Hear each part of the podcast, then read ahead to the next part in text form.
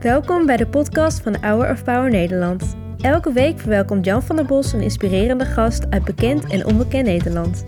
We luisteren hier wekelijks een nieuw interview.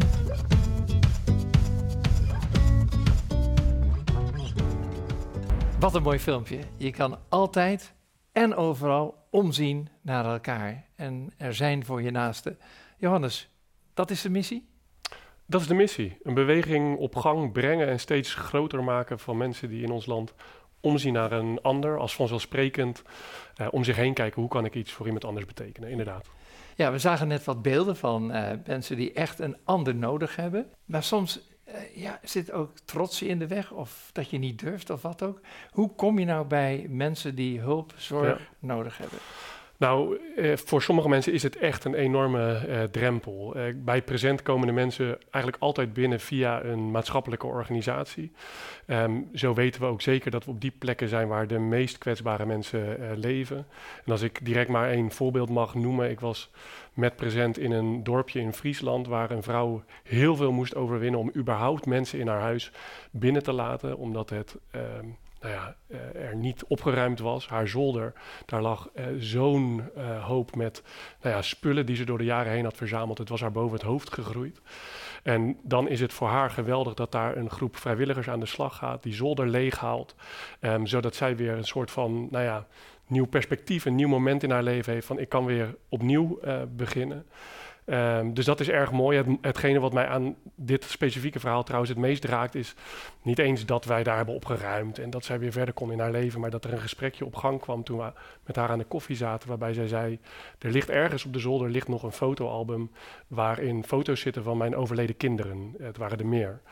En um, zij zei: Je hoeft er niet naar te zoeken, want je vindt het toch niet.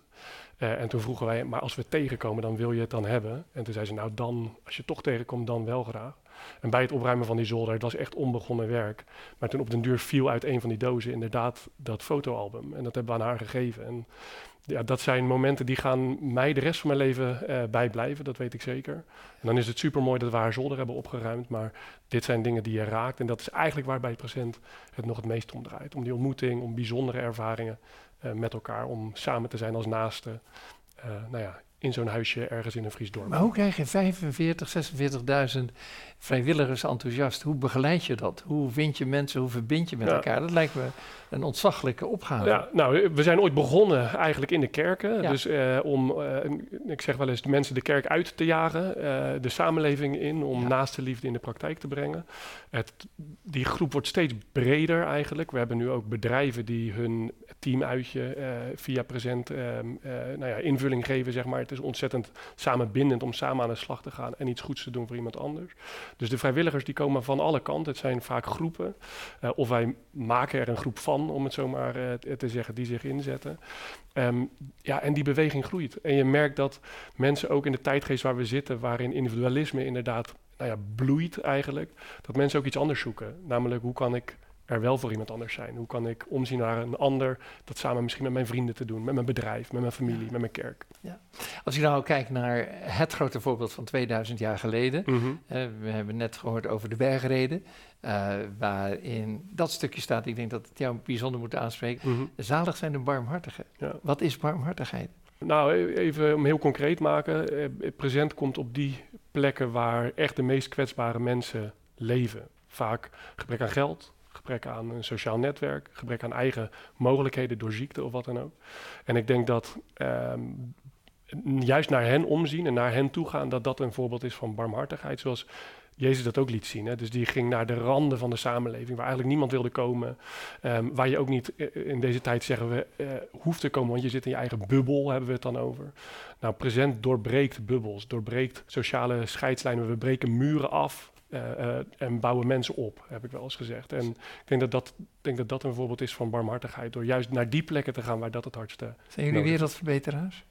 ik denk wel dat er heel veel mensen bij present rondlopen met een, met de motivatie om die dag iets moois te doen, om iets goeds te doen ja. en het een klein beetje beter te maken. Ook in de ja. wetenschap dat we het niet allemaal kunnen oplossen, uh, maar wel vanuit een diepe motivatie om iets ja. goeds te doen. Maar je zag het ook in het filmpje, die wederkerigheid. Mm -hmm. Mensen die geholpen worden en mensen die helpen. En, en plezier uh, en vreugde putten uit wat je ontvangt en wat je geeft. Ja, en proberen dat ook samen te doen. Dus we, we proberen waar dat kan ook de hulpontvanger uh, een rol te geven in het project dat wij doen. Ja. Dus er zit een bepaalde gelijkwaardigheid in. Um, in ieder geval is de hulpontvanger altijd aanwezig. Wij doen het niet anoniem. We doen het ook niet, zeg ik wel eens, effectief. Dat hoeft niet. Nee. Het gaat om uh, de ontmoeting, om, om, om het met elkaar te doen en elkaar te leren kennen. Uh, dus we zorgen ook altijd dat er een um, uh, maatschappelijke organisatie betrokken is die ook langer met diegene oh, oploopt. Um, zodat wij, omdat het ook nog best wel eens een keer impactvol voor de mensen kan zijn die wij helpen. Want er komt een groep vrijwilligers, die komt jou helpen om je huis op te knappen of die gaat iets met je doen of wat dan ook. en in sommige gevallen is dat het ook, dan is het project ook afgerond. Hè. Dus soms is het echt eenmalig, soms is het ook langer.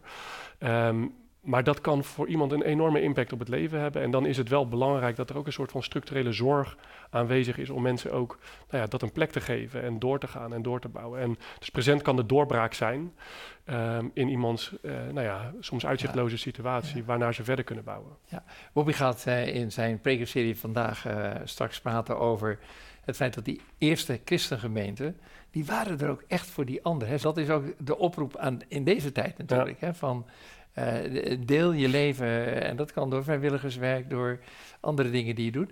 Uh, is dat in de navolging, je zei het al van Christus, mm. hij is de grote inspirator. Voor mij is dat een diepe inspiratie, hè? dus ja? het komt daar echt uit, uh, echt uit voort. Um, maar ik geloof dat iedereen talenten heeft gekregen ja. om naast liefde uh, in de praktijk te brengen. En naast liefde is misschien een christelijk begrip, maar het is niet exclusief christelijk.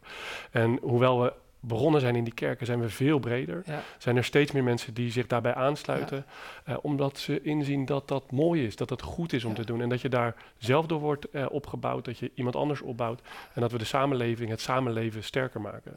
Um, dus dat is, ja, voor mij komt dat uit een diepe motivatie om Jezus te volgen, maar er zijn ook mensen die zich daarbij aansluiten, uh, die zeggen, ja, voor mij, ik, ik beleef dat anders, maar ik wil dat wel. Ja. Ik heb je meegemaakt als een politiek dier. Echt iemand die helemaal in de politiek zat en dat allemaal geweldig vond. Mm -hmm. en, en nu doe je dit. Ja, mooi hè? Je wilde ooit minister-president worden, geloof ik. Nee, dat heb ik nooit gezegd.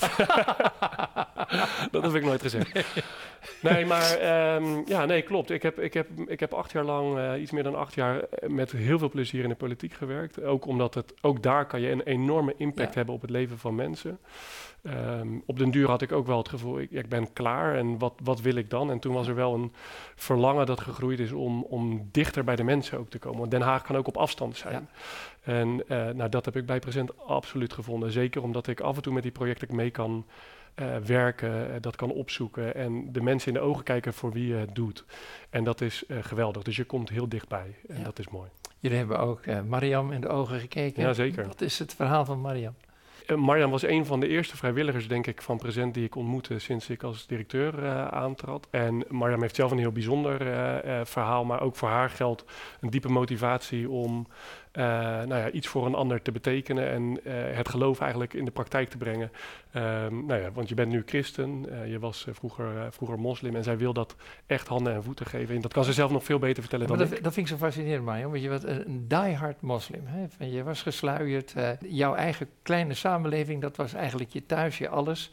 de moskee, Allah en wat is er dan gebeurd? Ik, ben, ik, ik heb al die tijd wel iets gemist. Ik miste altijd wel een warm ja, gevoel in mijn hart. En um, hoe ouder ik werd, hoe meer dat werd. Uh, ik kreeg ook een verantwoordelijkheid. En op een gegeven moment dacht ik, ja, er klopt iets niet. Um, nou ja, ik ben uh, toen uh, uh, een persoon tegengekomen en die vroeg aan mij, gaat alles goed? Toen vertelde ik van, nou ja, op dit moment ben ik heel erg zoekend. Ik weet eigenlijk niet zo goed waar ik het zoeken moet. Nou, toen heeft zij uh, um, aan mij gevraagd van, goh, weet je wat je doet? Ga maar even bidden. Inmiddels had ik de islam al verlaten, omdat het niet iets was wat mij voldoening gaf.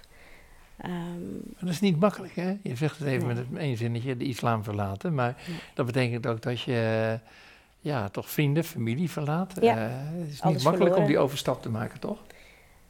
Nee, het is niet makkelijk. Maar voor degene die mij heeft geschapen is dat wel heel makkelijk. Uh, dat is mooi. Dus voor mij uh, was die keuze heel snel gemaakt. Uh, als hij mij kon vervullen wat ik nodig had, dan was het voor mij heel erg makkelijk om alles te sluiten wat ik zou moeten sluiten. Om dichter bij hem te komen. Ja. En dat heb ik ook gedaan. Ja. Even, want dan gaat het over wat jij doet in present. Nou, ik vind het heel fascinerend. Je hebt dat kruisje omhangen, maar je komt nog steeds uit een moslimgemeenschap. Gaat dat goed? ja, dat gaat ja, goed. Ze hebben het is goed.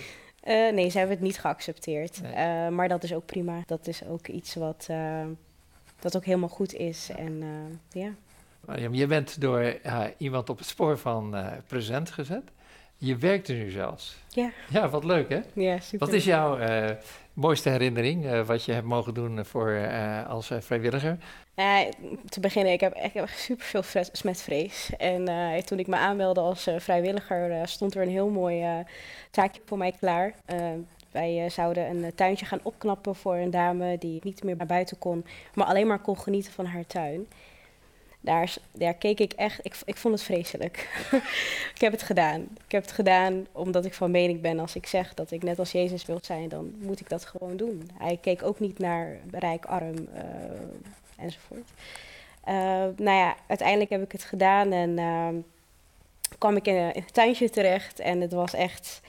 Ja, ik vergeet dat nooit meer. Ik zat echt met, met mijn handen in het zand en allemaal eh ongedierte, slakken, spinnen. Dan moet je eh, smetvrees hebben. en dan moet je smetvrees hebben. Ik heb het gedaan en ik zou het nog een keer doen. Kijk, ja, het gezicht eh, van mevrouw was... ja, dat eh, was heel Ja. mooi. Wat ik heel leuk vind van jullie is, beide maken jullie het heel persoonlijk. En dat is natuurlijk voor die vrijwilligers ook allemaal zo. Ze hebben iets ontdekt waardoor je een stukje kan geven van jezelf aan die anderen. En eh, ik heb het al eerder gezegd, ook weer zoveel terugkrijgt. Dat, Ja, het, het moet er niet om draaien, maar als Nee. ik iemand eens een keer moet triggeren en over de streep moet trekken om eens een keer het gewoon te proberen, dan zeg ik ook wel eens, dit is, het wordt een ervaring die je je leven lang bijblijft. Dat durf ik je te beloven. Ja. Daar, zou, daar zou het niet om moeten draaien, maar Ja. dat is wel zo. Ja. En ehm, ja, als dat iemand aanzet, dat merk je heel vaak, als iemand dan voor de eerste keer dat een keer heeft gedaan, dan wil hij nog een keer. Ja. En dan wil hij nog een keer. en Omdat, en dan wordt het, eh, wat ik zeg, een beweging van omzien naar elkaar. Mensen die dat vanzelfsprekend doen. Maar dat begint met een eerste stap. Fantastisch. Ja. In die eerste stap volg jij Jezus als eh, hij was een dienend leider. Mm. Dat ben je ook. Dat probeer ik te zijn. Ja, ja. En, en dat is ook de kern van Present Nederland. Want uiteindelijk, Present Nederland is een ondersteunende organisatie aan ongeveer eh, 70 lokale stichtingen waar het echte werk gebeurt, waar Marjam aan de slag is. En dat is eh, waar wij dienstbaar aan zijn. Dus Ja. eh, ik heb, eh, al zou ik het niet eens willen, bij wijze van spreken, ik heb geen keus om daar dienstbaar aan te zijn. Dat is wat ik wil. Wat is jouw favoriete Bijbeltekst? Ja, eh, een favoriet vind ik, vind ik moeilijk, want dan klinkt het ook populair. Maar wat voor mij centraal staat is, eh, heb de Heer uw God lief en eh, de naaste als jezelf. Eh, dat is Matthäus. Bovenal en het staat komt, er, ehm, eh, ja, en heb de Heer uw God boven alles lief en de naaste als jezelf. Ja. Ja. Het staat in Matthäus in ieder geval en het komt een aantal keer terug. In Galaten komt het terug. Ehm, ja, dat is eh, een soort van eh, missie, denk ik, van ons allemaal als, als christen. Ja. En, en voor jou, eh Mariam? Ja, kijk, eh, heel, heel de Bijbel. Maar eh, als ik dan echt iets moet uitkiezen, dan eh, denk ik toch dat ik voor Psalmen 23 ga. En dan wel heel, heel psalmen. Dat heb ik toch altijd wel... De psalm van de herder die Ja. je door het leven leidt. ja, En uiteindelijk naar de toekomst die voor ons ligt. ja. Nou, mooi dat jullie aan de toekomst van zoveel een bijdrage leveren. En ook weer deze wereld een stukje beter maken, een stukje mooier. Ik wens jullie heel veel sterkte toe. En we zullen in beeld laten zien als je kijker zich aangesproken voelt, hoe je je bij Stichting Present kunt melden. Daar sporen we ze toe aan, dat is ja, mooi. Ja. zeker, zeker. Ik laat jullie niet met eh, lege handen naar huis gaan. Eh Mariam, ik begin met jou. Dit is een journal. En eh, daarin kun je dus je verhalen opschrijven. Ik zie ook staan verhoorde gebeden. Voor welke mensen ga ik in de komende weken bidden? Het lijkt wel of het voor jullie geschreven is. Hè? Mijn dromen voor dit seizoen. Hoe kan ik een ander helpen? Nou, Heel erg bedankt. Dank u wel. met die mooie tekst. Dank ik weet niet wat ik doe, ik weet niet wat ik heb. Ik weet niet wat anderen van me zeggen. Ik ben Gods verliefde kind. Henry Nouwen. Ja, en jij wist nog niet dat ik iets van Henry Nouwen ging geven. Althans, Nee, Henry. Nouwen bekend om is geworden. Namelijk eh, deze. Dat vind ik Van de geweldig. verloren zoon. Mooi hè? Ja, vind ik geweldig. Ja. Dankjewel. Super. Ongelooflijk Geweldig. fijn dat jullie hier waren. En ik wens jullie heel veel zegen, sterkte, succes en alles wat denkbaar is nodig voor present. Dankjewel. Bedankt voor het luisteren naar het interview van deze week. We hopen dat dit verhaal jou heeft bemoedigd. Wil je meer weten over Hour of Power of andere interviews bekijken? Ga dan naar www.hourofpower.nl.